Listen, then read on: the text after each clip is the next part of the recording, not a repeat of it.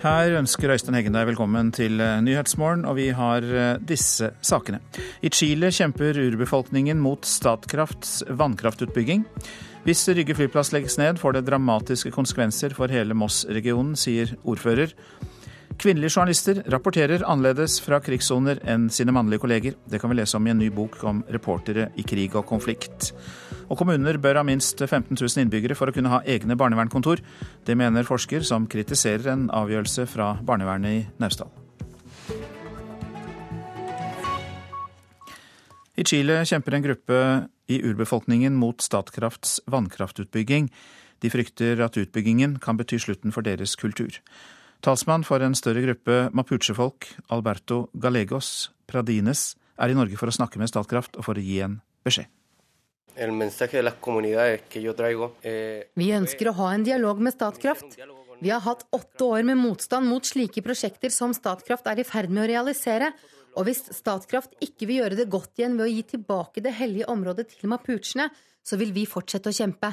Da vil det ikke være dialog, og de vil være ansvarlige for sitt økonomiske tap, sitt tap av renommé og det som måtte skje, sier Pradines. Han møtte avdelingsdirektør for internasjonal vannkraft i Statkraft, Olav Hyfer, tidligere denne måneden. Uh, han kom hit med uh, en klar melding fra de han representerer.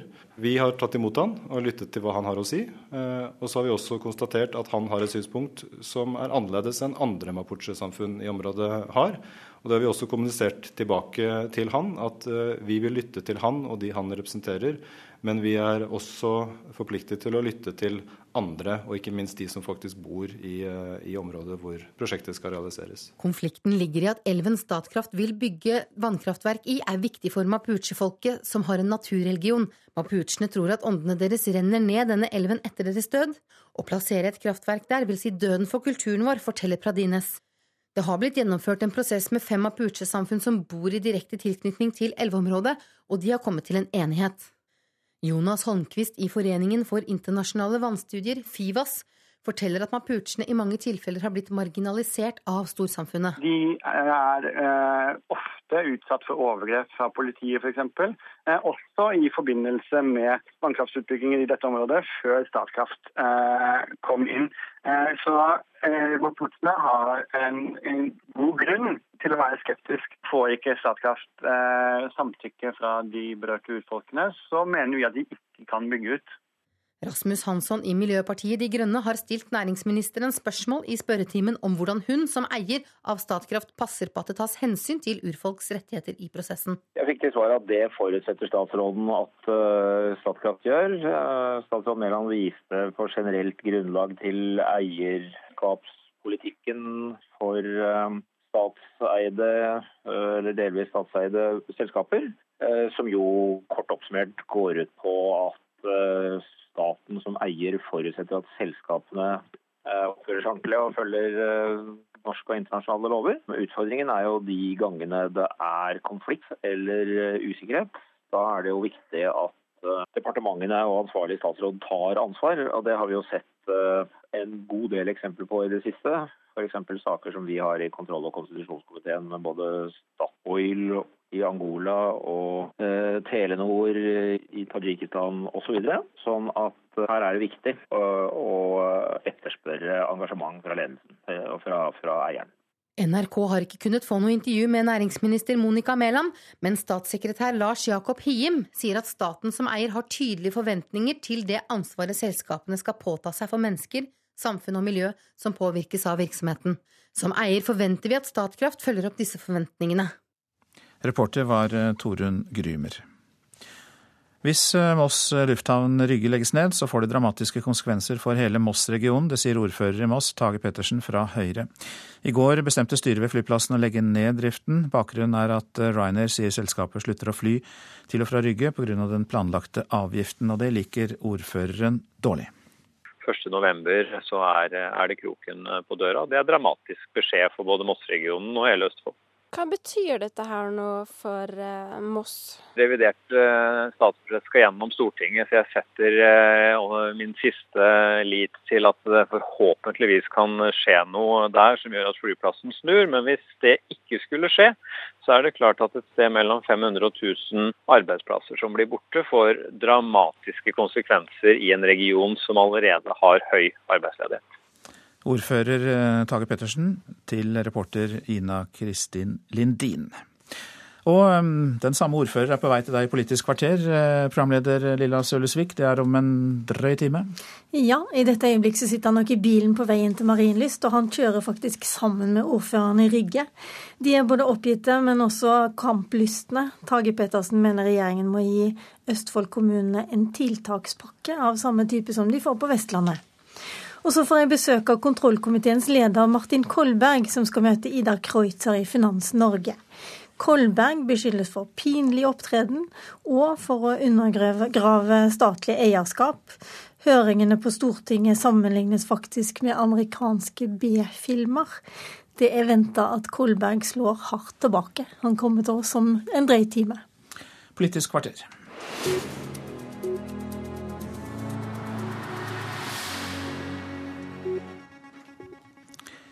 Nå om eh, journalistikkens vilkår under krig og konflikt. Eh, professor Kristin Skare Orgeré, velkommen. Takk skal Du ha. Du jobber jo ved Institutt for journalistikk og mediefag, Høgskolen i Oslo og Akershus, og har redigert en bok om nettopp det temaet. Og boka omtaler hvordan journalistikken i konfliktområder, konflikter vi hører om hver eneste dag riktignok, har endret seg. Journalistikken altså. Hvordan da? Ja, Journalistikken i konfliktområder har endret seg helt enormt. og Hvis vi tar et stort perspektiv historisk, så ser vi at for 100 år siden, altså under den aller første verdenskrigen, så døde kun to journalister som dekket krig. Og I dag er jo da situasjonen radikalt annerledes, som vi vet. Stadig flere journalister og mediearbeidere drepes på jobb, men eh, blir også brukt som en del av konflikten ofte. Trues, kidnappes og, og tas som gisler. Så I fjor så vi hvordan 73 journalister ble drept på jobb, men eh, det reelle tallet er nok egentlig mye høyere. For dette er det der det motivet er bekreftet, og journalisten faktisk var på jobb da det skjedde. Men vi ser også at stadig flere bloggere og lokale stringere blir drept, og, og dette får konsekvenser uh, for den journalistikken vi får. Ja, Hvilke utfordringer er det da de står overfor når, eh, når de er så mye mer utsatt enn de var før? Sikkerhetsperspektivet blir jo veldig veldig viktig, naturligvis. Eh, samtidig så ser vi at mange mediehus har en tendens til å nedskalere, og det kommer jo også av andre grunner, økonomiske eh, bakenforliggende årsaker, eh, nedskalere tallet på korrespondenter. Og, flere av bidragene i denne boka som nå kommer, viser at særlig når man dekker krig og konflikt, så er det viktig å få frem lokale og alminnelige stemmer, og da blir behovet for å ha kunnskapsrike, gode korrespondenter uhyre viktig for å få mer nyanserte nyheter som beskriver denne komplekse samtiden vi lever i. Dette er jo en omfattende bok med mange forskjellige innlegg, mange forskjellige vinkler. Jeg forhåndsannonserte deg med at du kan fortelle, eller eh, artikkelforfattere kan fortelle at kvinnelige reportere fortsatt eh, skriver annerledes enn menn om krig og konflikt.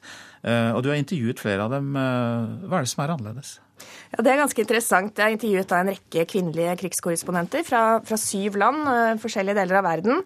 Og kanskje det mest overraskende er at alle disse kvinnelige reporterne var skjønt enige om at kvinner dekker krig og konflikt på en annen måte enn menn. Det overrasket i hvert fall meg, for jeg ville tenkt at profesjonsidentiteten var det aller sterkeste. Eh, og det er det. altså Profesjonen definerer disse kvinnene i mye større grad enn deres kjønn, men allikevel så blir de tvunget til å tenke annerledes når de forbereder seg til å dekke krig og konflikt. Samtidig så ser vi at de kvinnelige reporterne ofte eh, får en slik dobbel- eller hybridposisjon, der Spesielt da når de dekker krig og konflikt eh, andre deler av verden, hvor eh, kvinners rolle er annerledes enn det vi er vant til her hjemme. Eh, og der er de verken da en av de lokale kvinnene, eller eh, en stereotyp kvinneskikkelse, eller en av de reisende mennene.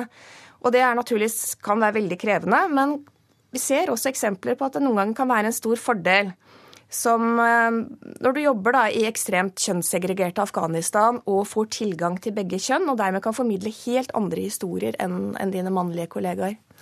Så da får vi noe annet å lese og se enn det en eh, mann ville ha gitt oss? Ja, og det vet vi jo, at et bredt eh, kildetil fang gir oss rett og slett eh, bedre journalistikk. Så det er jo veldig viktig, og ikke minst da i krig- og konfliktsituasjoner.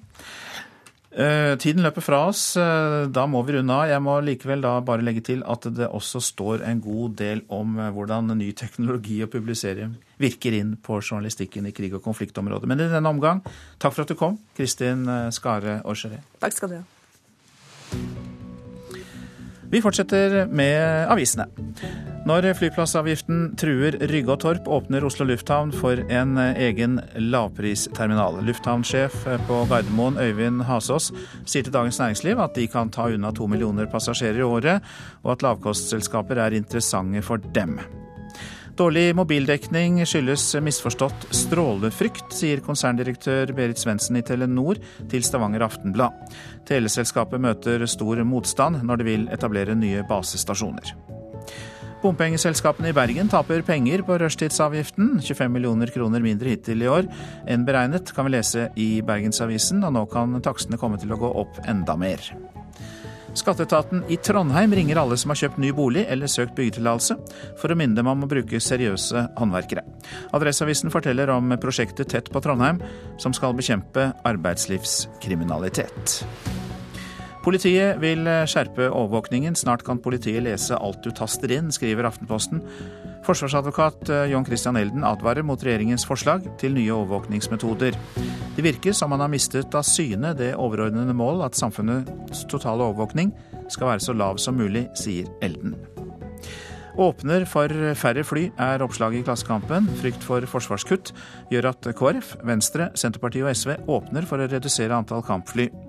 Arbeiderpartiet vil avvente langtidsplanen, men vil heller ikke låse seg til å kjøpe 52 fly. Dyr krig sikret ikke freden i Afghanistan, skriver Vårt Land. Taliban er sterkere nå enn da krigen begynte for 15 år siden. Krigen kostet ti norske soldater livet, og Norge brukte 20 milliarder kroner på krigføringen.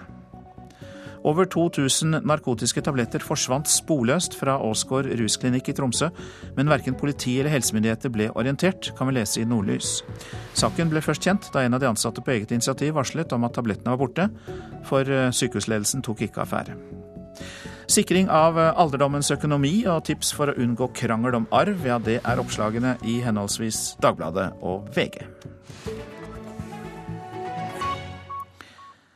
Hockeylandslagets nye sjef, Petter Thoresen, holder sin første samling 15.6, men allerede nå så begynner han å se fram til kvalifiseringen til OL.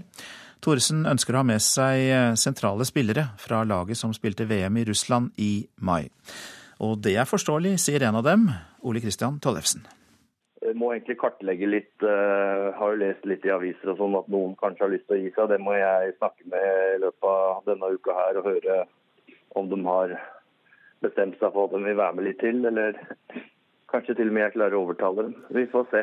Men en Petter Thoresen ikke trenger å overtale, det er Ole Kristian Tollefsen. Hva, hva tenker du da? Blir du med i en OL-kval? Det gjør jeg, vet du. Absolutt.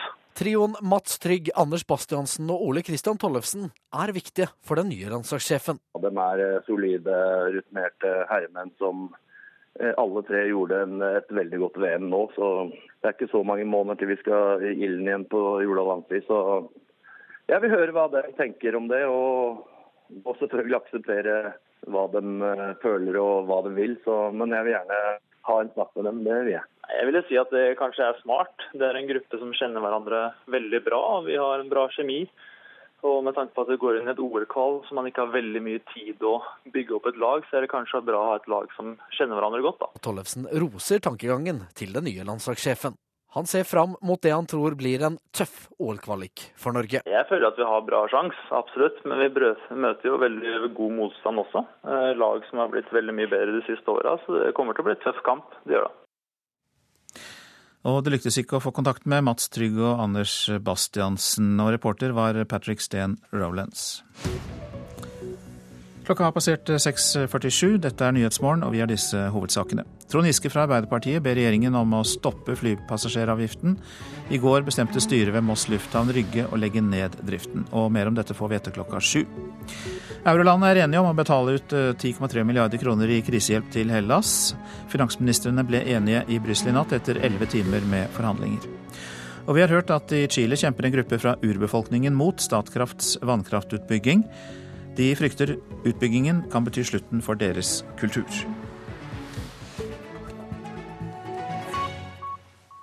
Kommunene bør ha minst 15 000 innbyggere for å kunne ha egne barnevernskontor. Det sier seniorforsker ved Høgskolen i Oslo og Akershus, Dag Ellingsen, som i en årrekke har forsket på norsk barnevern. I den omstridte saken i Naustdal i Sogn og Fjordane, der et kristent foreldrepar er fratatt fem barn, bor de i underkant av 3000 innbyggere.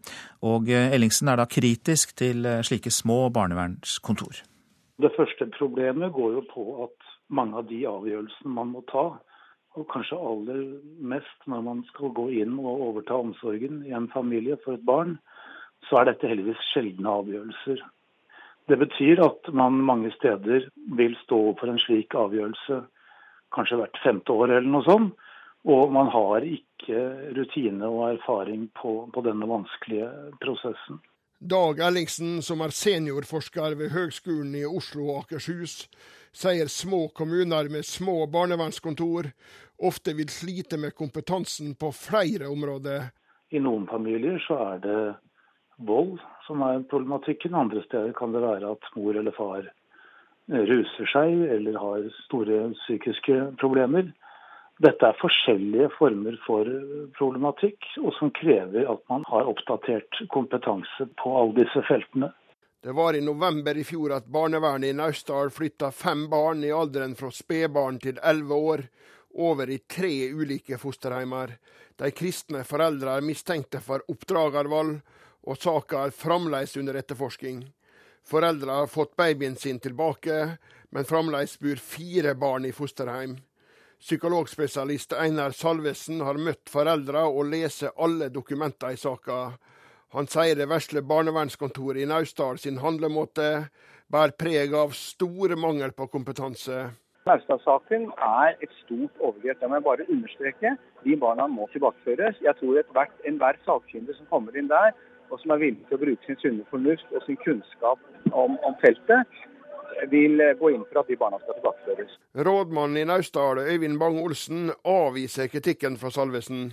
Vi deler ikke den kritikken. Vi syns han er eh, hard. Eh, vi mener at det er en eh, barnevernstilsatte har en veldig vanskelig jobb når de skal vurdere tiltak. Og når en skal sikre barn, så er det en, en, en, en veldig vanskelig, komplisert jobb som skal gjøres.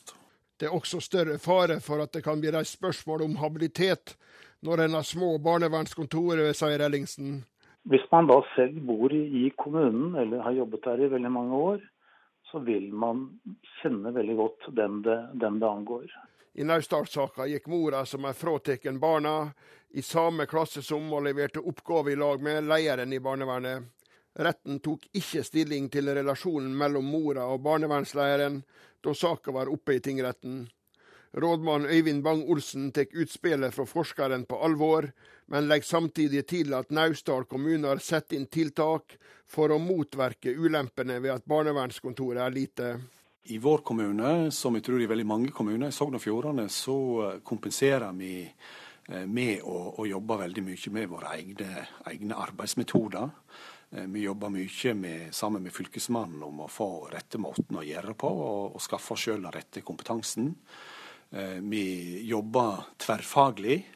Men la meg òg legge til at det er en, eh, noen andre forskere som sier at det små barnevern at de når eh, flere barn og, og bygger opp større kompetanse. Men Bang-Olsen, du ser flere dømmer på små kommuner som har slått barnevern sammen med andre og samarbeider tett med andre kommuner. Hvorfor gjør de ikke det i år? Det er et tema som står på, på dagsordenen, så vi vurderer jo samarbeid sammen med Førde og Gaular. Det er en veldig omfattende oppgave å, å skulle ivareta alle de eh, kompetansebehovene som man har i et moderne barnevern i så små kommuner, hvor det da kanskje bare er noen få ansatte i barnevernskontoret. Det sa til slutt seniorforsker Dag Ellingsen, og reporter var Bård Siem. Dansere her i landet er enige i kritikken rettet mot Beyoncé, som NRK rapporterte om i går. Den svenske koreografen Alexander Ekman mener Beyoncés danserutine er påfallende lik hans egen koreografi til Swan Lake på Den norske opera. Det er trist at Ekman ikke krediteres, mener kvinnen bak Norges første streetdance-skole. Akkurat på det klippet jeg har sett, så syns jeg det er en kopi, for det er såpass likt. Det sier Kimmy Iversen, skolepioner med 20 års erfaring som streetdanser, etter å ha sett videoen koreograf Alexander Ekman har lagt ut på Instagram. Jeg syns det er trist at hun ikke kan gi eh, kreditt til han som hun har blitt inspirert av. Videoen kryssklipper Beyoncé, der hun fremfører låta 'Freedom' under sin pågående verdensturné med Ekmans publikumssuksess 'A Swan Lake'. I videoen går Ekmans hvitkledde dansere rundt i et avlangt ankeldypt basseng. Så gjør Beyoncés hvitkledde dansere det samme. Deretter sitter Ekmans dansere på knærne og virvler armene fra side til side og ned i bassenget. Og det gjør Beyoncés dansere også, etterfulgt av flere svært like dansetrinn. Selve scenerommet og ideen, den tror jeg er en ganske sånn kopiert fra Ekman. Prorektor Merete Linjære ved Kunsthøgskolen i Oslo har 26 år bak seg på Balletthøgskolen, er kunstnerisk leder for Oslo Danseensemble og har vært dommer i en rekke danseprogrammer på TV. Hun syns det er vanskelig å si noe om den koreografiske likheten når videoen ikke er lenger enn 30 sekunder. Men ideen er nok kopiert fra Ekman, sånn som jeg ser det. Om hun har brukt ideen direkte derfra eh, med viten og sin egen viten, så er det klart at hun burde ha spurt. Absolutt. Det syns jeg jo. Det var en merkelig følelse. For det var jo som å se mine egne ideer på et, et helt annet forum med en kjempestor publik, uten at jeg hadde vært en del av det. Koreograf Ekman ble for en tid tilbake oppringt av en av Beyoncés dansere.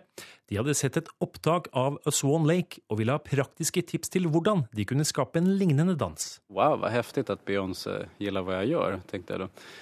Um, og sen noen måneder senere så får jeg da se det her YouTube-klippet, og da er det jo ganske store likheter der, tykker jeg. Som NRK fortalte i går, overlater den svenske koreografen til andre å bedømme hvorvidt Beyoncé har kopiert ham eller ikke.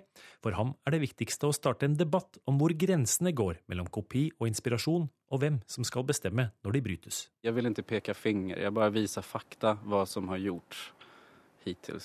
Sen får du avgjøre hva du tykker.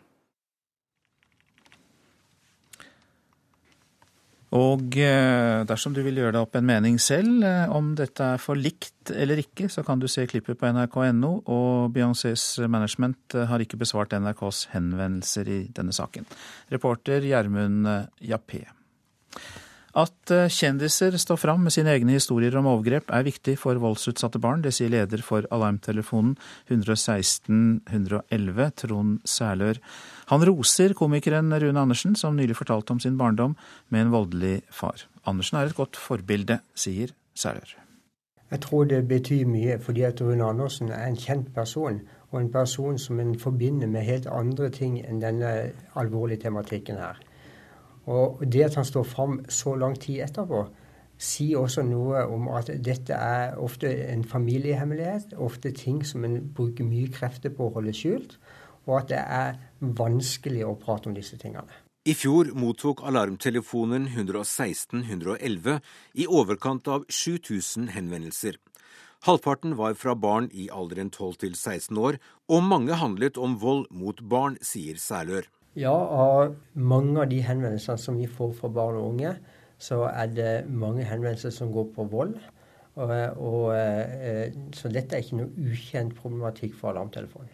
Lederen for barnevernstjenesten i Kristiansandsregionen, Monica Brunner, sier kjendishistorier er viktige fordi de får stor oppmerksomhet og har betydelig gjennomslagskraft, og at de er med på å sette i gang avgjørende prosesser for voldsutsatte barn. Det er jo ikke tvil om at kjente personer får mer medieplass og får mer oppmerksomhet, eh, og kan kanskje oppmerksomheten holder noe lenger i et media som går rasende fort noen ganger.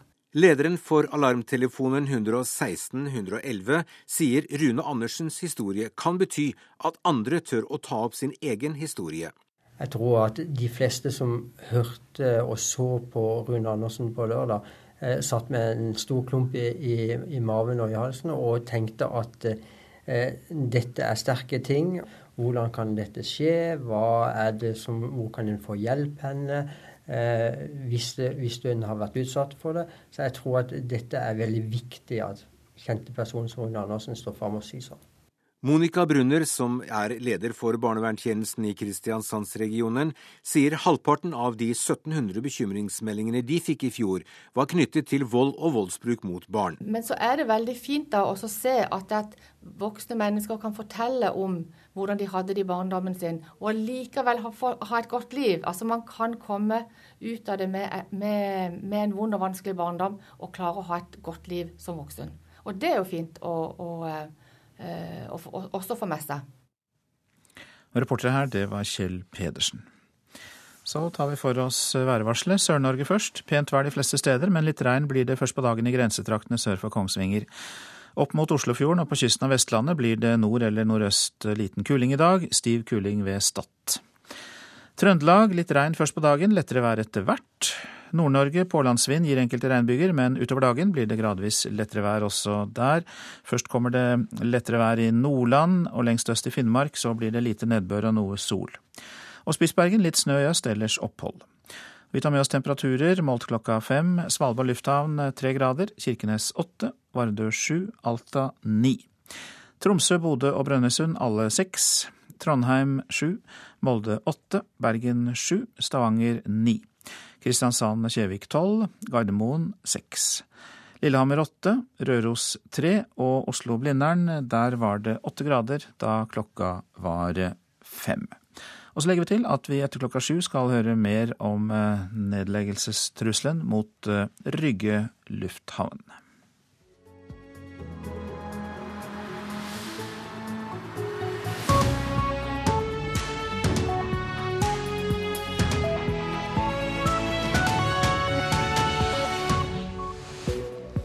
Og her i Nyhetsmorgen fortsetter vi med disse sakene. Vi skal selvfølgelig høre mer om eh, striden rundt Rygge flyplass. Skal du fly derfra etter 1.11, så kan du trenge hjelp til å finne ny reiserute. Det skal du få høre mer om. Også LOs kritikk mot flypassasjeravgiften. Men vi skal også høre at det nærmest er tilfeldig om det blir oppdaget at en siktet er utviklingshemmet, sier erfaren statsadvokat. Hellas får mer penger, eurolandene er enige om en ny krisepakke, og vi skal høre om offensivene mot IS-kontrollerte byer. Statsadvokat Bjørn Christian Soknes mener påtalemyndigheten ikke er flink nok til å oppdage om en tiltalt er utviklingshemmet. Lettere utviklingshemmede kan få redusert straff og bedre soningsforhold. Men Soknes sier det er nærmest tilfeldig om en utviklingshemming blir avdekket. Nå er vi på avdelinga Nexø. Her soner de mest sårbare innsatte ved Ila fengsel, blant dem fanger som er lettere utviklingshemma. Her er det plass til tolv innsatte til enhver tid, og det er alltid fullt her. Avdelingsleder Henrik Husvold på Ila regner med at én av ti innsatte er lettere utviklingshemma. Da kan de sone, men loven åpner for å gi strafferabatt.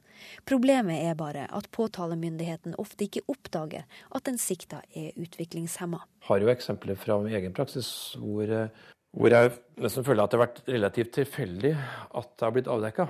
Sier den erfarne statsadvokaten Bjørn Christian Soknes. I fjor oppdaga han i siste liten at en mann tiltalt i en sedelighetssak hadde en IQ på 72, og dermed en mental alder på rundt 12 år. Og Da var det jo en person som da hadde vært eh, Eh, hvor det var gjennomført eh, avhør, hvor det var tatt ut tiltale, hvor jeg hadde lest eh, dokumentene og ikke sett noe som skulle tyde på det. Og da, Når evneundersøkelsen blir gjort, og det rekker vi så vidt da før ordforhandlingen, så viser det at man konkluderer med en IQ på 72. Som da igjen selvfølgelig, når saken kommer opp, får en betydning for min påstand, og selvfølgelig også for straffens lengde. I en norsk studie av 49 saker der utviklingshemmede ble dømt, fikk den tiltalte redusert straff i 41 tilfeller, sier forsker Jane Dullum ved Høgskolen i Oslo og Akershus. Det kan være ulike hensyn som domstolen legger vekt på her. Det kan være at soningen vil virke særlig tungt eller f.eks. at den domfelte ikke forsto eh, alvoret i handlingen. Det betyr at utviklingshemmede som ikke blir oppdaga, svært ofte vil sone lengre enn de ellers måtte ha gjort. Statsadvokat Soknes sier mangel på kunnskap gjør at det glipper. At det blir dømt til fengselsstraff personer som har lettere psykisk utviklingshemming, det, det, sånn bør det være i noen tilfeller. Men da må det være et premiss som er kjent for oss og for domstolen når de avsier dommen. Det er det som er det, det, er det, som er det viktige. Reportere her Kristine Svendsen og Ola Flyum. Tor Erik Larsen, velkommen til oss. Takk for det. Du er regiontillitsvalgt i Kriminalomsorgens yrkesforbund, Region eh, Øst. Og dere organiserer jo de ansatte i kriminalomsorgen. Hvilken oppfatning har dere av eh, dette vi nettopp hørte, altså hvorvidt eh, man får avklart om folk har utviklingshemming eller ikke? Har, jeg har konkrete tilfeller der, der vi vet det er folk som, som, ikke har vært avklart, og så har de blitt satt i fengsel. Um, men vi har ikke en totaloversikt som, som sier noe om hvor mange det her gjelder. Hvordan eh, har disse i fengselet, da, dine, dine, medlemmer i din forening, hva rapporterer de tilbake? Du, eh, de, de er bekymra over det arbeidspresset som ligger ute på enhetene. De har ikke mulighet til å fange opp denne type problemstillinger i forhold til Eh, lav bemanning, altså en, en, eh, sånn generell ressursfattigdom i, i kriminalomsorgen da, som gjør at de er veldig pressa på arbeidsoppgaver. Uh, og det er i ekstraordinære tilfeller at de greier å fange opp sånne, sånne problemstillinger per i dag. Bør alle innsatte, innsatte, undersøkes nærmere, slik at man vet om de har en utviklingshemming? Ja, det er jo sånn i dag at Friomsorgen gjennomfører personundersøkelser dersom retten ønsker det. Eh, og han bør kanskje tenke i de baner at det blir obligatorisk med en personundersøkelse før du blir eh, eh, pådømt. Vi hørte jo i innslaget at det har noe å si for soningsforholdene. Kan du si litt mer om hva som blir satt inn da for kanskje å hjelpe og lette soningen for utviklingshemmede? Du, også har ikke noen konkrete Altså Det er ikke en, en, standard mal på det her, men du prøver å tilpasse etter beste evne. og det er jo, Du har en del hinder som ligger i veien her også. Det Hvilke ressurser styrer du over på det, på det enkelte fengselet? Eh, har du nok folk på jobb til å, å rette noen tiltak mot, uh, mot, den enkelte? Har du en bygningsmasse som tillater det? Eh, det er en del sånne ting. En, noen av de store fengslene har jo på en måte gjort seg egne ordninger som eh, altså Eh, Oslo fengsel f.eks. har ei, egen avdeling som er i stand til å, å håndtere denne problemstillinga hvis, hvis, det blir nødvendig, og, og, og, det er det med ganske jevne mellomrom. Er utviklingshemmede mer utsatt i fengsel? Ja, selvfølgelig. Eh, altså, hvis du tenker det sånn at I utgangspunktet for, for uh, politikerne så skal ikke barn mellom 15 og 18 sitte i fengsel. Det er en grunn til det. Og så tar du en 40-åring med en mental alder til en 12-åring og satt i et fengsel, eh, så er han lett påvirkelig. Takk skal du ha, Tor Erik Larsen, som altså er regiontillitsvalgt i Kriminalomsorgens yrkesforbund, eh, region øst. Mange flypassasjerer eh, må nok få hjelp av flyselskaper og reiseoperatører for å finne nye reiseruter dersom det ender med at Rygge lufthavn legges ned fra 1.11. Markedssjef Silje N. Thoresen ved flyplassen sier at de som har bestilt billetter etter den datoen, må henvende seg til selskapet sitt. Vi anbefaler at de som har bestilt reiser fra Moss lufthavn Rygge etter 1.11, eh, tar kontakt med sitt eh, flyselskap for å få beskjed om hvordan de skal forholde seg til eh, den situasjonen. For alt tyder nå på at Rygge lufthavn snart er strøket fra kartet, i alle fall for sivil trafikk. Ryanair, som står for det aller meste av trafikken, har sagt at selskapet vender flyplassen ryggen i protest mot den nye flypassasjeravgiften. Og midt under Dagsrevyen i går kom flyplassens administrerende direktør Pål Tandberg med beskjeden om nedleggelse. Det rammer først og fremst rundt 1000 ansatte. Eh, det er jo basert på flypassasjeravgiften. Den, den, kommer og gjør, oss, eh, gjør at vi ikke er konkurransedyktige. De som har bestilt billetter hos Ryanair etter 1.11, må nå altså henvende seg til selskapet. Jeg vet at det er bestilt billetter etter denne datoen, sier markedssjefen ved Rygge lufthavn. Også Norwegian har noen ruter fra Rygge. Passasjerer som blir rammet av nedleggelsen, vil bli overført til Gardermoen, opplyser selskapet. I tillegg har charterselskapene Apollo, Startur og Ving flyvninger fra Rygge. De har allerede lagt ut vinterprogrammet og solgt flere reiser. Vi skal hjelpe, sier informasjonssjef Elisabeth Larsen Fonstedt i Ving. De kundene som har bestilt en vinterreise til eh, Gran Canaria fra Rygge, de vil bli kontaktet av oss, og så vil vi prøve å finne en annen løsning. Det kan være at de flyr fra f.eks. fra Torp, eller at de flyr fra Gardermoen, eller noe annet som måtte passe. Så det er ingen fare for at de mister både penger og reise? Vi skal sørge for at de som har bestilt en vinterreise fra Rygge kommende vinter, skal komme seg av gårde til eh, Gran Canaria. Og om det blir fra flyplassen på Torp eller om det blir fra Gardermoen eller et annet sted, det skal vi, det skal vi finne ut av sammen med kundene våre. Og reporter her, det var Hans Jørgen Solli. Så kaller vi opp Stavanger, for der sitter nemlig du, førstesekretær i LO, Peggy Hessen Følsvik. Velkommen hit. Takk for det. Ja, Vi hører altså at passasjerene kan miste sin flyplass, ansatte kan miste jobben. Hva er eh, din og LOs eh, reaksjon? Ja, Min eh, første reaksjon er jo selvfølgelig at jeg syns dette er veldig trist for de mange som mista jobben sin nå på Rygge. Og den neste reaksjonen min er at dette må faktisk regjeringa ta ansvar for. Det å innføre avgifter klokka fem på tolv for å få et budsjett til å gå opp uten å utrede konsekvensene av det, ja det gjør at man kommer i sånne situasjoner som det man nå har havna i på Rygge. Og det er dårlig politikk, det er dårlig næringspolitikk, og det burde ikke eh, Politikk burde ikke utformes sånn i dag. Men eieren av flyplassen har vel også et ansvar? Man kan jo stusse over at eh, bare en avgift skal kunne velte en hel flyplass og driften der? Ja, det er eierne og styret på flyplassen som nå har vedtatt å legge ned flyplassen. Og vi er jo kritiske også til at de over så lang tid har knytta seg så tett til Rainer at når ett selskap da velger å se mot en annen flyplass, ja, så er konsekvensen nedleggelse. Og dette er ikke ukjent. Sånn har Rainer operert i Europa over lang tid, så det burde også ledelsen på Rygge ha tatt høyde for. Men uh, hva sier de ansatte ved Rygge flyplass eh, til eh, dere som er tillitsvalgte? Nei, de er jo selvfølgelig nå opprørte, og de er bekymra. Det er allerede arbeidsledighet i Østfold-området. Og det at det nå er så mange som blir berørt av en sånn nedleggelse, det er selvfølgelig eh, tragisk. Eh, for de alle sammen. Og det er klart at De har ikke tenkt å gi seg med dette. De har tenkt å jobbe videre framover for å få omgjort eh, dette vedtaket. Så har jeg lyst til å minne om at denne avgifta ikke bare rammer eh, Rygge. Den rammer også resten av landet, spesielt ute i distriktene. Men nå er det altså på Rygge vi får de største konsekvensene av det så langt. Men det er jo slik at nye avgifter er noe næringslivet har vært nødt til å venne seg til gjennom mange år. Altså Det kan komme nye avgifter ut ifra ulike behov, bl.a. Eh, miljøbehov. og Da må man kanskje lære seg å ta høyde for det og takle det.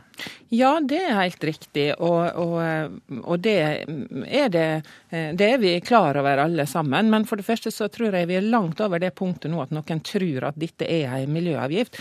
Det tror jeg er fastlagt at dette ikke er. Dette er rett og slett en avgift for staten for å få inntekter for å få budsjettet til å gå opp. Og så er det også sånn at når man skal innføre den type avgifter, så, så, så snakker politikerne med de det gjelder, med næringslivet og med de som blir berørt, sånn at man har en mulighet både til å påvirke og til å bli enige om hvordan dette skal gjennomføres. Og det har vi ikke sett i, i denne saken. Det var riktignok en høringsrunde, da?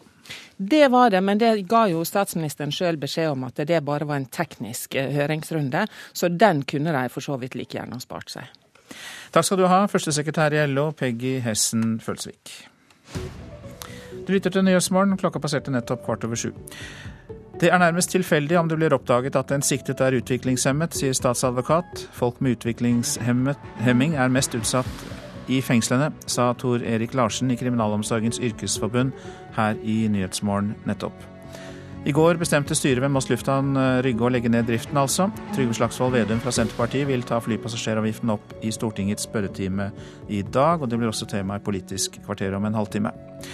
Eurolandene er eh, enige om en avtale om å betale 10,3 milliarder euro til eh, Hellas i krisehjelp. Og vi skal høre mer om det etter hvert. Det er altså snakk om 10,3 milliarder til Hellas, og det er del av en samlet pakke på 86 milliarder euro. I think it's an important uh, moment et viktig øyeblikk for Hellas og for alle oss andre, sa eurosjef Jeroen Disselblom da han kunngjorde at eurolandene og Det internasjonale pengefondet er enige om en sårt trengt krisehjelpspakke til Hellas. For den greske statsgjelda er på 321 milliarder euro, 180% av landets bruttonasjonalprodukt. Men den nye låneavtalen kommer ikke smertefritt for Hellas. Tusenvis av sinte grekere demonstrerer mot regjeringas vedtak om at de må betale mer skatt fremover. Den omstridte skatte- og pensjonsreformen ble vedtatt i mai, og er en av flere økonomiske reformer regjeringa har vedtatt for å få mer lån fra EU. I natt ble det altså klart. Reformene fører til at Hellas får lån 10,3 milliarder euro allerede i år, som en del av ei samla pakke på totalt 85 milliarder euro. Marit Gjelland orienterte. I Irak er myndighetenes offensiv mot den IS-kontrollerte byen Fallujah i full gang. IS har kontrollert byen i over to år, og den ligger jo da rett utenfor hovedstaden Bagdad. Midtøsten-korrespondent Sigurd Falkenberg Mikkelsen, oppdater oss på situasjonen der nå. Ja, Byen er uh, omringet. Uh, den er, uh, Ifølge Iraks militære så er det ikke mer enn 400-600 IS-soldater igjen inne i byen. Og de er i kraftig mindretall, for det er både irakiske sikkerhetsstyrker og mange av disse sjiamuslimske militsene som nå deltar i kampene. Og Sikkerhetsstyrkene fra myndighetshold rykker sakte inn. Men dette er en by som har vært i konstant krig siden USAs invasjon. Amerikanerne slåss selv noen av sine hardeste slag i denne byen. Og IS har hatt lang tid på å forberede forsvarslinjene her. Sånn at dette kan bli en lang kamp hvis de velger å bli stående, heller enn å rømme byen, slik vi har sett ved noen tilfeller tidligere. Og Midt oppi dette står minst 50 000 sivile. Ifølge Flyktninghjelpen, som driver flyktningleirer rundt byen, så har ingen sluppet ut de siste dagene. Natt til mandag var det bare 80 familier som slapp, slapp ut. Og dette er folk som har lidd under mat- og vannmangel i en lang periode nå, og som nå risikerer å bli stående mellom to stridende partene. Hva sier dette om IS styrke?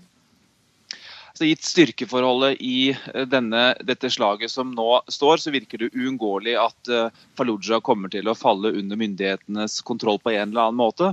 Spørsmålet er hvordan og hvilke konsekvenser det får.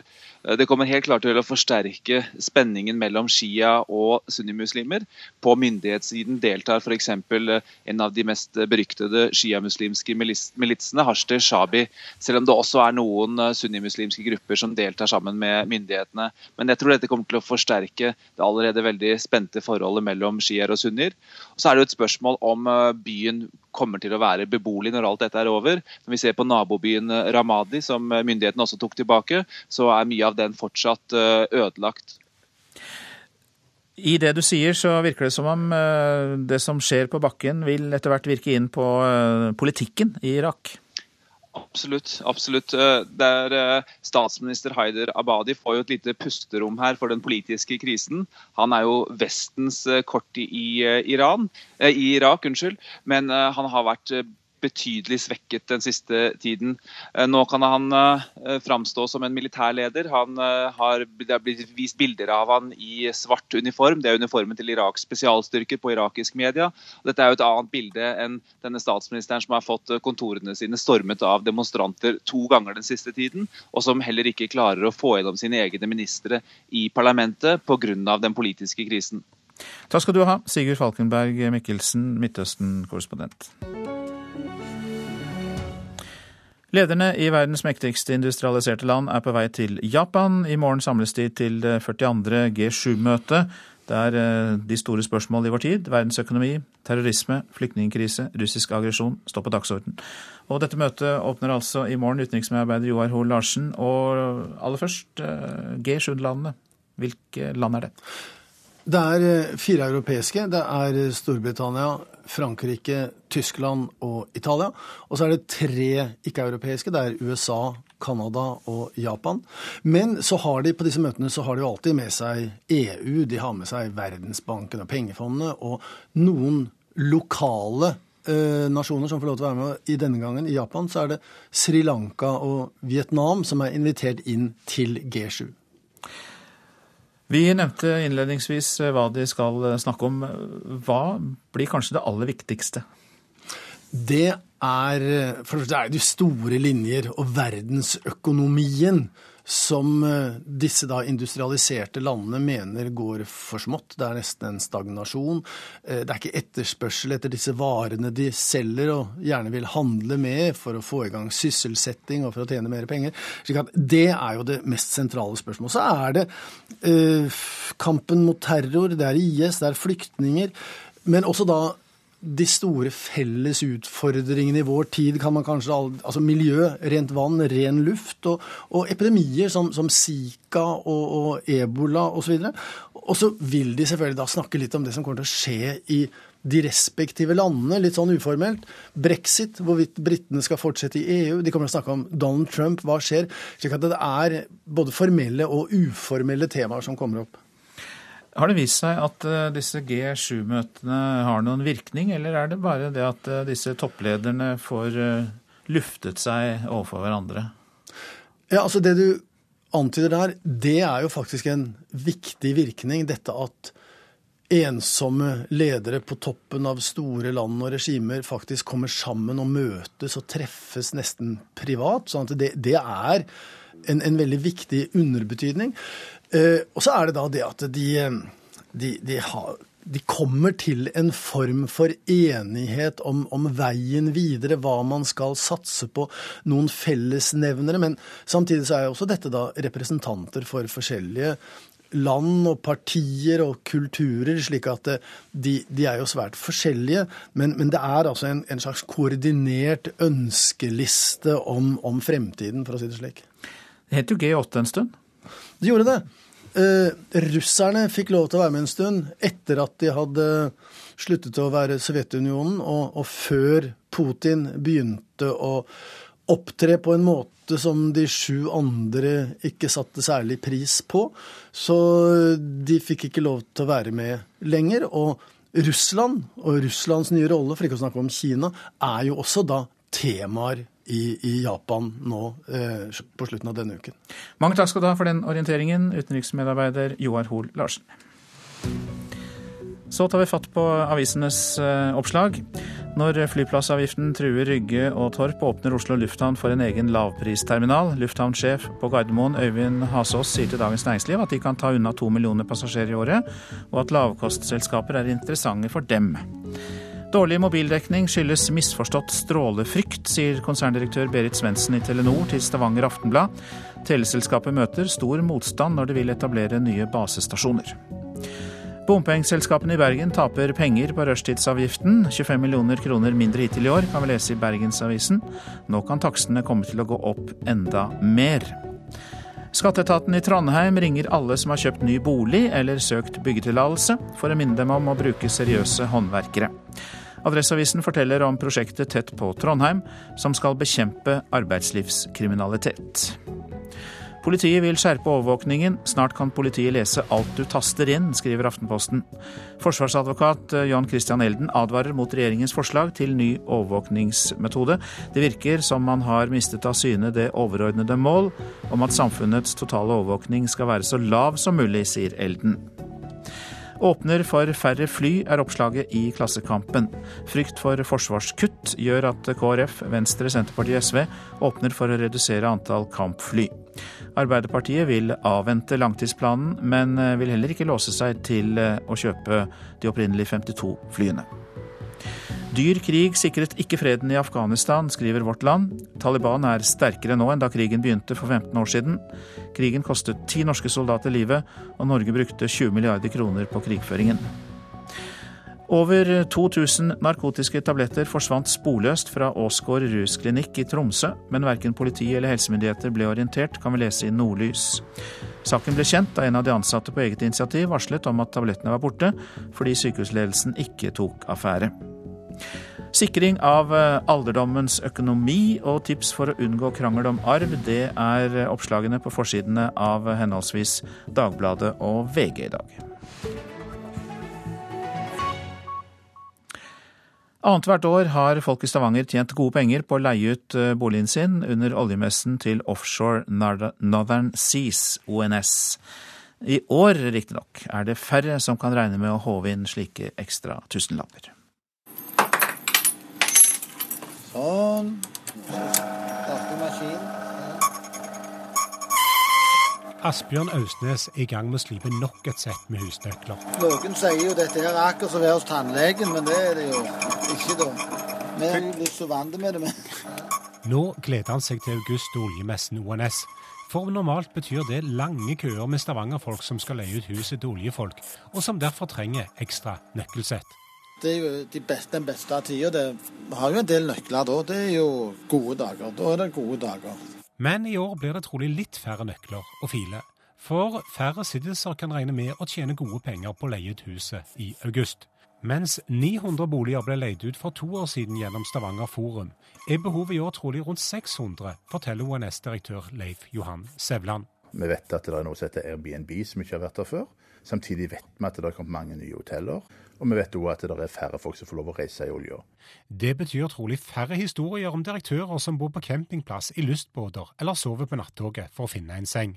Ja, eh, men eh, det kan fort bli et veldig høyt tall med boliger som er eh, kommet fram til, til slutten, helt slutten av august. Foreløpig ser tallene greie ut, men vi har liksom gått ut ifra rent med at de hotellene som er kommet og de andre måtene boligene fungerer på, gjør at det kan bli noe mindre pågang på, på Stavanger Forum sine boliger. ONS for to år siden var tidenes oljemesse med hele 91 000 besøkende på Tjensvoll. Men rett etter messen falt oljeprisen dramatisk, og det er en helt annen bransje som møtes i august i år.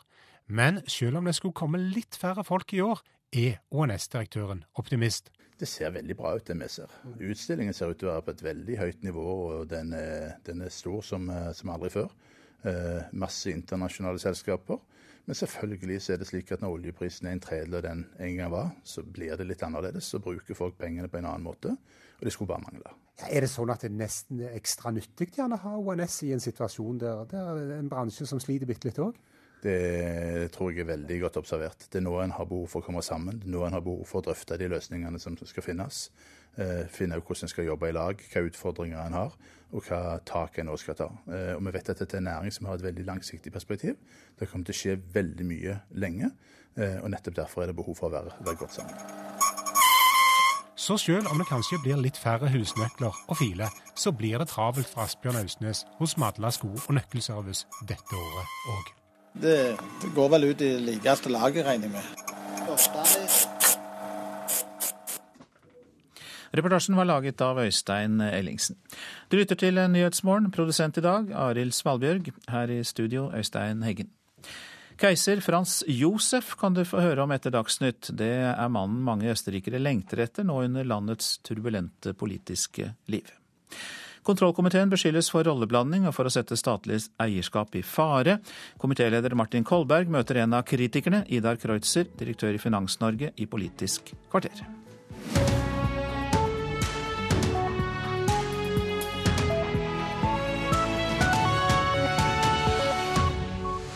Ja, Nyhetsmorgen fortsetter med mer om striden rundt Rygge flyplass. Ordførerne i Moss og Rygge frykter arbeidsledigheten, at den kommer til å øke kraftig hvis luftplassen blir eh, lagt ned. Påtalemyndigheten er ikke flink nok til å oppdage om en tiltalt er utviklingshemmet. Det sier statsadvokat. IS er under press. Det de kaller sin hovedstad, Raqqa i Syria, er under angrep. Rapportering fra krig og konflikter er blitt mye farligere, går det fram av ny bok. Ja, Ordførerne i Moss og Rygge frykter altså at arbeidsledigheten kommer til å øke kraftig, etter at eh, Rygge lufthavn i går eh, kveld bestemte seg for å legge ned. Ordfører i Moss, Tage Pettersen fra Høyre, mener regjeringen eh, bør være bekymret. Arbeidsledigheten i Moss er allerede på 3,9% altså langt over veldig mange av kommunene på Sør- og Vestlandet. Og får vi 1000 nye mennesker som nå mister eh, arbeidet sitt på flyplassen, og, og, næringene rundt, så er det klart at dette får dramatiske konsekvenser. Det var i går kveld styret ved flyplassen lufthavn Rygge bestemte seg for å legge ned flyplassen. Allerede fra november i år slutter trafikken å gå som normalt. Bakgrunnen er at Ryanair sier at selskapet slutter å fly til og fra Rygge pga. regjeringas planlagte flypassasjeravgift. Mellom 500 og 1000 arbeidsplasser kan forsvinne. Det er vanskelig. Sier Arbeiderpartiordfører i Rygge, Inger Lise Skartlien. Vi har i Mosseregionen jobba lenge med å skape ny næringsvirksomhet. Siden eh, Petterson ble lagt ned, så har vi hatt et prosjekt gående, og ja, det er vanskelig. Moss kommune har bedt om tiltakspakke fra Nav, men siden arbeidsledigheten har gått ned og ikke opp i Østfold-regionen, ble det avslått. Nå håper Pettersen på hjelp fra sine partifeller i regjeringa. Ja, men eh, hva er det konkret du vil ha? Nei, Det som vi konkret vil ha, er jo det samme som for så vidt resten av landet. At de tiltakene som nå er iverksatt i, i, i kommuner med arbeidsledighet over eh, landsgjennomsnittet på Sør- og Vestlandet, de får en del av, krisepakka som regjeringen har lagt frem, i form av vedlikehold og investeringer. Eh, like viktig er det jo, som også fylkesstyret til Østfold Høyre fokuserer på, hvis vi ikke klarer å berge flyplassen, eh, diskutere statlige arbeidsplasser, eh, andre tiltak som gjør at Østfold også kommer med i vurderingene når vi snakker om, om, om tiltak for å skape nye arbeidsplasser. Men regjeringen kan ikke snu i denne saken, sier statssekretær i Finansdepartementet Jørgen Nesje. Han håper Rygge kan fortsette driften, men mener ikke regjeringen kan ta skylden for de tapte arbeidsplassene. Nå foreslo ikke den regjeringen i første omgang denne, denne avgiften, eh, men vi innfører den sånn Stortinget har bestemt. Eh, så kan vi heller ikke la oss diktere av et selskap som, eh, som Ryanair når vi utformer avgiftspolitikken her i landet det er, det er, en avgift vi er, er, nødt til å innføre, og en avgift som kommer. Så det er ikke mulig å snu i denne saken for å redde Rygge flyplass, mener du? Regjeringen kan ikke snu i denne saken. Stortinget har vedtatt avgiften, og da er vi nødt til å innføre den. Avgiften har skapt sterke reaksjoner, ikke bare i Østfold, men blant flere stortingspolitikere. Trond Giske sa tidligere til NRK at dette var dårlig politikk, og Senterpartileder Trygve Slagsvold Vedum ber regjeringen skjerpe seg. Dette her må Fremskrittspartiet nå snu. Eh, de må stoppe den avgiften, for de kan ikke sende 1000 nye ut i arbeidsledighetskøen når vi har økende arbeidsledighet eh, i Norge. Og vi ser at de Mosseregionen er en av de regionene som har større ledighet enn landsgjennomsnittet i tillegg. Så nå må eh, Frp, Høyre, KrF og Venstre ta til vettet. Og eh, reportere her var eh, Anna Rydland Nærum, Lilla Sølesvik og Marit Gjelland. Og reporter Nikolai Delbekk, du er med oss fra Rygge. Og hvordan tar folk rundt deg nyheten om nedleggelse? Nei, De ansatte spesielt er jo ikke veldig glade for beskjeden de fikk i går kveld. De hadde jo lenge håpet at dette skulle ordne seg, og så fikk man jo beskjeden om at eh, EFTAs kontrollorgan ESA skulle behandle saken og se på om det her kanskje kunne vært eh, ulovlig statssubsidiering. Det mente de at det ikke var, og nå står jo da håpet igjen på, på dette reviderte statsbudsjettet at det kan, eh, kan gjøres om. Mange lurer jo veldig da, på om de får beholde jobben sin. Det er jo noen som eh, kanskje blir flyttet til andre steder, og så er det jo noen som vet at ved en nedleggelse så, så er det slutt på, på, arbeidsplassen her. Og det, det, gir jo ikke grobunn for en veldig god dag på, på jobben, det. Hva kan det bety for uh, hele regionen, altså Moss-regionen? Altså Mosseregionen, som vi hørte i reportasjen, er ikke en region som eh, har det kraftigste arbeidsmarkedet. Altså Arbeidsledigheten her ligger på 3,9 eh, langt over landsgjennomsnittet. Og Østfold som helhet også har jo en eh, arbeidsledighet over landsgjennomsnittet, selv etter oljekrisa. Så vi er allerede i et presset arbeidsmarked. Og at 1000 ansatte nå kan miste jobben sin 1.11, betyr jo et veldig press både på Nav, og det betyr også selvfølgelig et press på arbeidsmarkedet, som som sagt allerede er ganske, ganske dårlig her. Det var de ansatte. Har du også fått høre noen reaksjoner fra passasjerene? Ja da, og de aller fleste som har vært her på flyplassen sånn i morgentimene, har vært passasjerer som kommer fra utlandet og eh, inn. Jeg har snakket med flere som bruker flyplassen jevnlig, og bl.a. en som fortalte meg at hvis denne flyplassen blir lagt ned, så vil det bety at det blir dyrere for han å, å skulle fly, fra, fly til, både til og fra Gardermoen. Eh, en annen fortalte meg at han flyr hit omtrent én eh, gang hver andre måned i pendling til, til og fra England. og og Han er veldig usikker på hvordan dette her da kommer til å bli, om det er lettere å fly til Torp, om hva det betyr for han om han skal fly til, til Gardermoen. og Han uh, var veldig usikker. Så, så, også blant passasjerene så er det mye usikkerhet. Uh, og en generell ganske negativ holdning til om den skal bli lagt ned. Og medfølelse også selvfølgelig for de ansatte. En situasjonsrapport fra Rygge flyplass der, fra vår reporter Nicolai Delbekk. Takk skal du ha. Ja, i morges så har vi hørt at Hellas er sikret et kriselån på 10 milliarder euro etter å ha fått til en avtale med eurolandene i natt. Hellas skal også få gjeldslettelser fra kreditorene, men denne avtalen er uklar. Men europakorrespondent Tore Tollersrud, du kan kanskje fortelle oss mer om innholdet i avtalene? Ja, Avtalen kom altså på plass klokka to i natt og er et stort gjennombrudd, ifølge eurogruppens leder, nederlenderen Dieselblom. Den kom bare et par dager etter at det greske parlamentet vedtok en ny runde med utgiftskutt og skattelettelser. Og eh, nå får altså Hellas et kriselån på 10 milliarder euro, nesten 100 milliarder norske kroner. Og det er penger landet trenger for å betale ned på lånene til de samme kreditorene som har ytt Hellas eh, et nytt lån. Vi husker kanskje at det bare for et års tid siden var en dyp krise mellom Hellas og EU. Det var snakk om at landet var på randen av konkurs. Eh, bankene stengte, landet kunne gå ut av EU osv. Og, og det var en folkeavstemning der jo folket sa nei til en avtale om nye innstrammings, uh, innstrammingstiltak. Allikevel så inngikk uh, den greske venstreorienterte Syriza-regjeringen en avtale med EU og Det internasjonale valutafondet, som inneholdt omtrent de samme innstrammingstiltakene. Ja, et kriselån er sikret, men det var vel slik at Tyskland strittet imot lenge?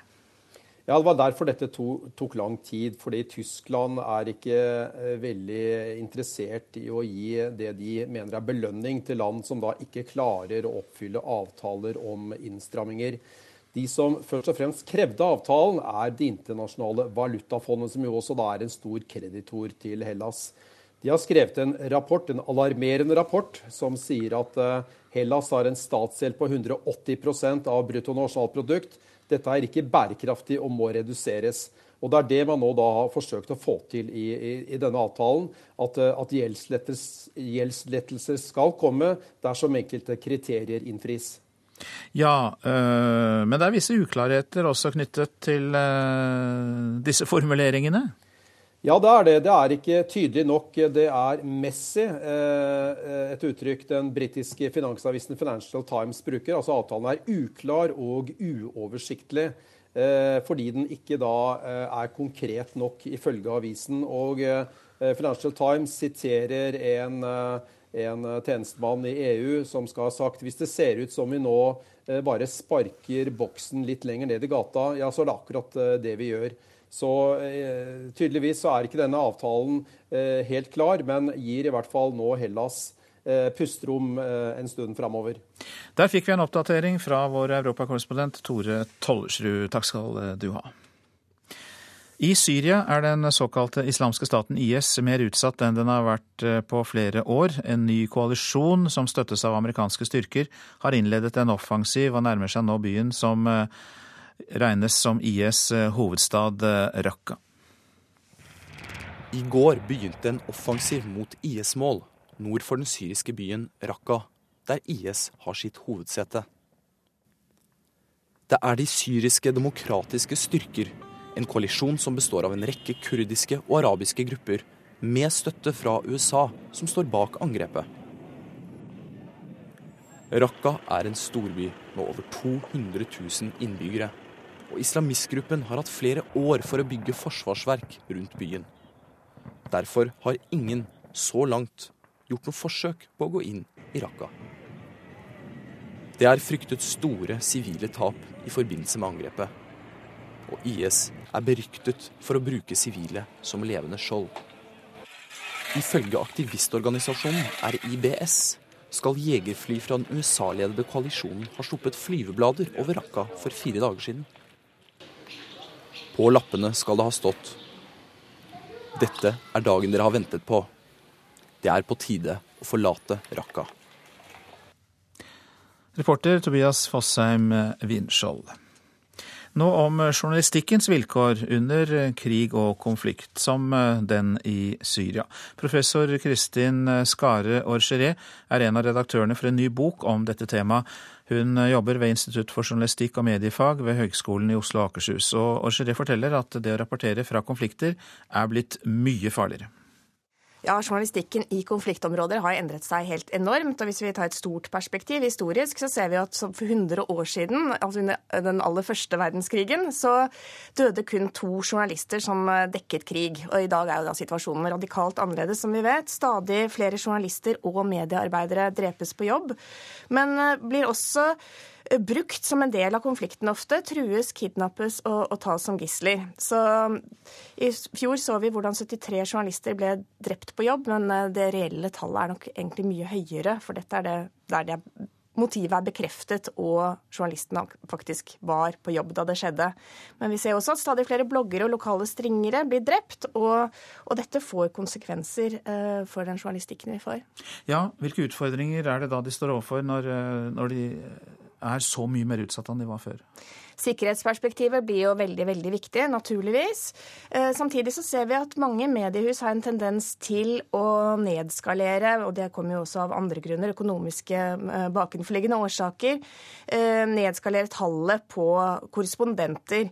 Og, flere av bidragene i denne boka som nå kommer, viser at særlig når man dekker krig og konflikt, så er det viktig å få frem lokale og alminnelige stemmer, og da blir behovet for å ha kunnskapsrike, gode korrespondenter uhyre viktig for å få mer nyanserte nyheter som beskriver denne komplekse samtiden vi lever i. Dette er Nyhetsmorgen, og klokka nærmer seg 8.46. Vi har disse hovedsakene. Ordførerne i Moss og Rygge frykter arbeidsledigheten kommer til å øke kraftig etter at Rygge lufthavn i går bestemte seg for å legge ned. Både Arbeiderpartiet og Senterpartiet vil ha omkamp om flypassasjeravgiften. IS er under press. Det de kaller sin hovedstad Raqqa i Syria er under angrep eh, av en koalisjon som har støtte fra USA. Og Eurolandene er enige om en avtale om å betale ut 10 eh, milliarder euro til krisehjelp eh, til Hellas. Finansministrene ble enige i Brussel i natt. Påtalemyndigheten er ikke flink nok til å oppdage om en tiltalt er utviklingshemmet. Det sier statsadvokat Bjørn Christian Soknes. Lettere utviklingshemmede kan få redusert straff og bedre soningsforhold. Men eh, de som ikke blir oppdaget, soner eh, trolig en mye lengre straff enn de skulle gjort. Heller ikke de ansatte i fengslene har ressurser nok til å oppdage dette. Det sier eh, Tor Erik Larsen, regiontillitsvalgt i Kriminalomsorgens yrkesforbund i Region Øst. De er bekymra over det arbeidspresset som ligger ute på enhetene de har ikke mulighet til å fange opp denne type problemstillinger i forhold til lav bemanning, altså en, en sånn generell ressursfattigdom i, i kriminalomsorgen som gjør at de er veldig pressa på arbeidsoppgaver. Og det er i ekstraordinære tilfeller at de greier å fange opp sånne, sånne problemstillinger per i dag. Bør alle innsatte, innsatte undersøkes nærmere, slik at man vet om de har en utviklingshemming? Ja, det er jo sånn i dag at eh, friomsorgen eh, gjennomfører personundersøkelser dersom retten ønsker det. Og han bør kanskje tenke i de baner at det blir obligatorisk med en personundersøkelse før du blir eh, pådømt. Vi hørte jo i innslaget at det har noe å si for soningsforholdene. Kan du si litt mer om hva som blir satt inn da for kanskje å hjelpe og lette soningen for utviklingshemmede? Altså Det er ikke en, en, standard mal på det her, men du prøver å tilpasse etter beste evne. og det er jo, Du har en del hinder som ligger i veien her også. Det, hvilke ressurser styrer du over på det, på det enkelte fengselet? Eh, har du nok folk på jobb til å, å rette noen tiltak mot, uh, mot, den enkelte? Har du en bygningsmasse som tillater det? Det er en del sånne ting. Noen av de store fengslene har jo på en måte gjort seg egne ordninger som uh, altså Eh, Oslo fengsel f.eks. har ei, egen avdeling som er i stand til å, å håndtere denne problemstillinga hvis, hvis, det blir nødvendig, og, og, og, det er det med ganske jevne mellomrom. Er utviklingshemmede mer utsatt i fengsel? Ja, selvfølgelig. Altså, hvis du tenker det sånn at I utgangspunktet for, for eh, politikerne så skal ikke barn mellom 15 og 18 sitte i fengsel. Det er en grunn til det. Og så tar du en 40-åring med en mental alder til en 12-åring og setter i et fengsel så er han lett påvirkelig. Det sa Tor Erik Larsen da vi intervjuet ham eh, tidligere i morges. Han er tillitsvalgt i Kriminalomsorgens yrkesforbund. Kritikere av Stortingets kontrollkomité driver med aktiv undergraving av Stortingets autoritet. Det sa kontrollkomiteens leder Martin Kolberg i Politisk kvarter i dag. Før stortingshøringen i den såkalte VimpelCom-saken fredag, har kontrollkomiteen fått kritikk fra en rekke hold for å blande rollene på en måte som kan svekke statlig eierskap. Kolberg mener kritikerne ødelegger for Stortingets bekjempelse av korrupsjon i statlige selskaper. Det du ikke snakker om, og det ingen andre som angriper meg snakker om, det er at Telenors ledelse ved Baksås og Åser har snakket usant til statsråden og usant til Stortinget. De har til og med tillatt at statsråden gikk i stortingssalen på gale premisser, fordi de ikke fortalte henne om korrupsjonen. Martin Kolberg har som leder av kontrollkomiteen blitt beskyldt for å blande rollene og gå altfor langt i å drive etterforskning ved siden av en pågående rettssak. Ifølge kritikerne er det næringsministeren som skal stille Telenor-ledelsen spørsmål, f.eks. om hvordan de kunne overse at et selskap de er hovedeier i, bedrev med korrupsjon i Usbekistan. Finans Norges administrerende direktør Idar Kreutzer mener til og med at Telenor ikke burde kalles inn til Stortinget til korrupsjonshøring. Det er bare næringsministeren som skal svare for Stortinget. Og Er det slik at Finansforbundet mener at det på en måte er greit at dette foregår? Mener han at den folkevalgte kontrollinstansen ikke skal ha anledning til å kontrollere sine egne vedtak i Stortinget? Finans Norge er som eh, norsk næringsliv generelt eh, eh, svært opptatt av korrupsjonsbekjempelse. Det er jo nettopp derfor vi tar denne diskusjonen. Det var da flere som var ute i går og sa at i Dagens Næringsliv igjen, som, som ikke la så mye vekt på det, de mente heller at den Deloitte-rapporten mer eller mindre eh, ikke kritiserte Telenor. Men det som er poenget er at det er tildelt ansvar i denne saken. Uh, hvis noen taler usant, så er det ikke bra. Uh, men det er tildelt ansvar i denne saken. Og det er nettopp de som er tildelt ansvar, som må ansvarliggjøres. Det vi har forsøkt å gjøre, er å heve denne diskusjonen opp på et prinsipielt plan som går på statens utøvelse av sitt eierskap.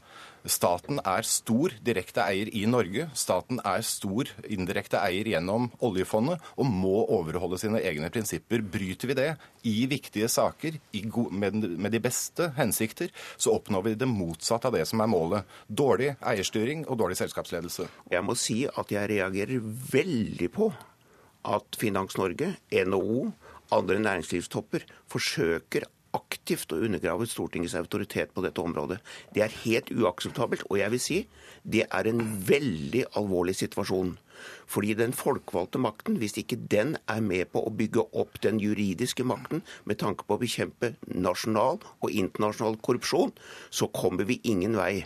Fordi det vi hører Kreutzer sier, det er nemlig det bygges juridiske konstruksjoner hele veien som vi møter.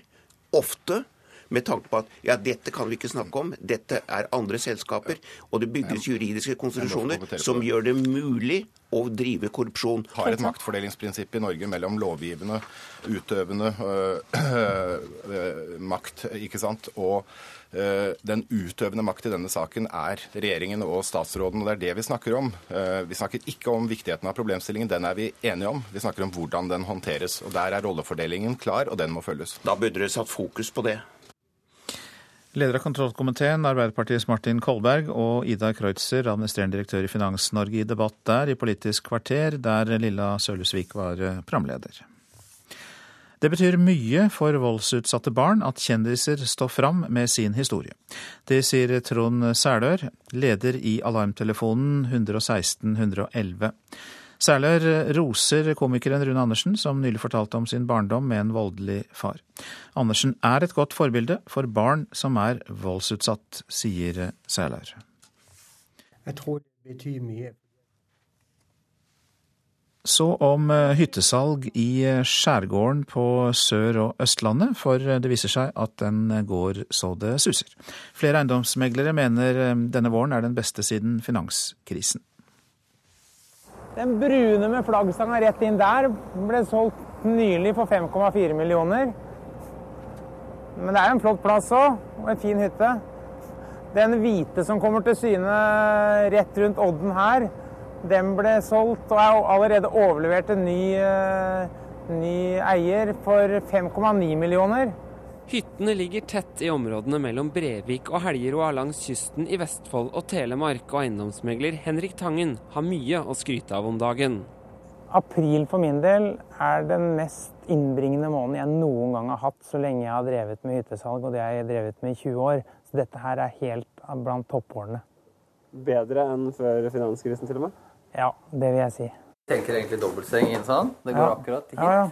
Og så er barneseng der. Erlend Groven har akkurat kjøpt hytte. Nå holder han på å pusse opp og viser villig vekk til eiendomsmegler Tangen. Groven og familien har lett etter hytte i flere år, men slo til først nå, da de fant drømmehytta. Også lenger sør er det bra fart i hyttemarkedet.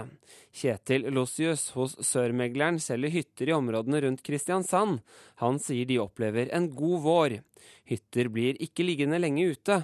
Mange hytter er solgt i løpet av få dager, sier Lossius. Det er jo en fantastisk plass med utsikt ut i sundet her, og sandstrand rett ved siden av, og brygge. Og. Så hytta ganske praktisk med tre soverom, hvor ett har utvendig atkomst. Henrik Tangen hos Krogsveen viser frem en 69 kvadratmeter stor hytte uten innlagt vann. Han solgte den nettopp for rundt 5 millioner kroner. Hovedsoverom plass til dobbeltseng, og det er det også her inne. Hva er årsaken til at eh, det går så unna akkurat nå? Det er, eh, det er ikke et veldig lett spørsmål å svare på, men jeg tror det er flere ting som, eh, som spiller inn. Eh, For det første så er det jo en veldig gunstig og lav rente, sånn at eh, mange har eh, sånn sett mulighet til å finansiere hyttekjøpet. Vi ser jo også at konkurransen fra utlandet er veldig avtagende. Undersøkelser som vi har sett, viser at det er langt færre som vurderer å kjøpe seg hytte f.eks. i Spania eller Tyrkia i dag, enn det det var for to år siden. Ja, det sa eiendomsmegler Henrik Tangen til reporter Stian Vårs Simonsen. Og mer om dette går det an å lese på nettstedet nrk.no telemark. Ja, statsmeteorolog Rafael Escobar Løvdahl, velkommen hit igjen. Takk for det, god morgen. God morgen til deg, og sola sier også god morgen til Sør-Norge, for det tørker vel skikkelig opp etter flommen nå? Ja da, du har eh, høytrykk over Færøyene som på en måte har tatt litt eh, ansvar, kanskje, og skyver da nedbøren ut. Så den er ute av våre områder nå, slik at i Hedmark hvor det har vært eh, til tider veldig vått, vil det nå gå mot en tørrere tid. Men det kan være greit å følge varsom.no for å se det, siste omkring vannføringer. Men eh, vi kan jo ta litt detaljer omkring været på Østlandet først. Eh, vil det blåse en nordlig liten kuling ut Oslofjorden nå først på dagen. Det minker i løpet av ettermiddagen. Som vi nevnte, mye sol. Eh, Stedvis vil det nok være delvis skyet, men alt i alt mye sol og stigende temperaturer, så noen vil nok kunne få opp mot en 20 grader i dag. Telemark og Sørlandet, også her eh, mye pent vær. Skyene langs sørlandskysten har gradvis trukket seg tilbake, slik at det blir mye sol. Også her noe vind, med nordøst lite kuling på kysten og først på dagen. Det blåser det nå bl.a. på Torungen, men mot eh, ettermiddagen og når det blir kveld, så har det nok minket til en bris.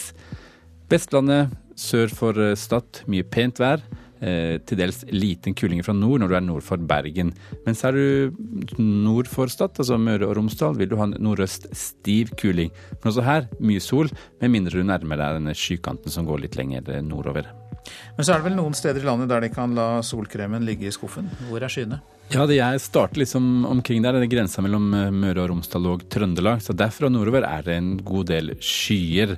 Eh, Det vil riktignok bli lettere vær i Trøndelag utover eh, ettermiddagen, og etter hvert også sør i Nordland, men det starter med noen regnbyger nå. Temperaturmessig ganske beskjedent, sånn 10-12 grader ser det ut til å bli. I Troms og Finnmark er det pålandsvind, stort sett mellom vest og nord, opp i frisk bris de mest utsatte stedene. Og det går noen byger også her, men det går mot lettere vær da, ser det ut til i kveld. Men eh, noen byger må man regne med. Og på Spitsbergen litt snø i de østlige områdene.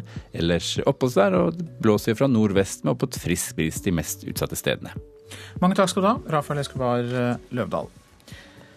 Ja, det var Bjørn Christian Jacobsen som var ansvarlig for nyhetssendingene i dag. Produsent for Nyhetsmorgen Arild Svalbjørg. Teknisk ansvarlig Espen Hansen. Og her ved mikrofonen Øystein Heggen.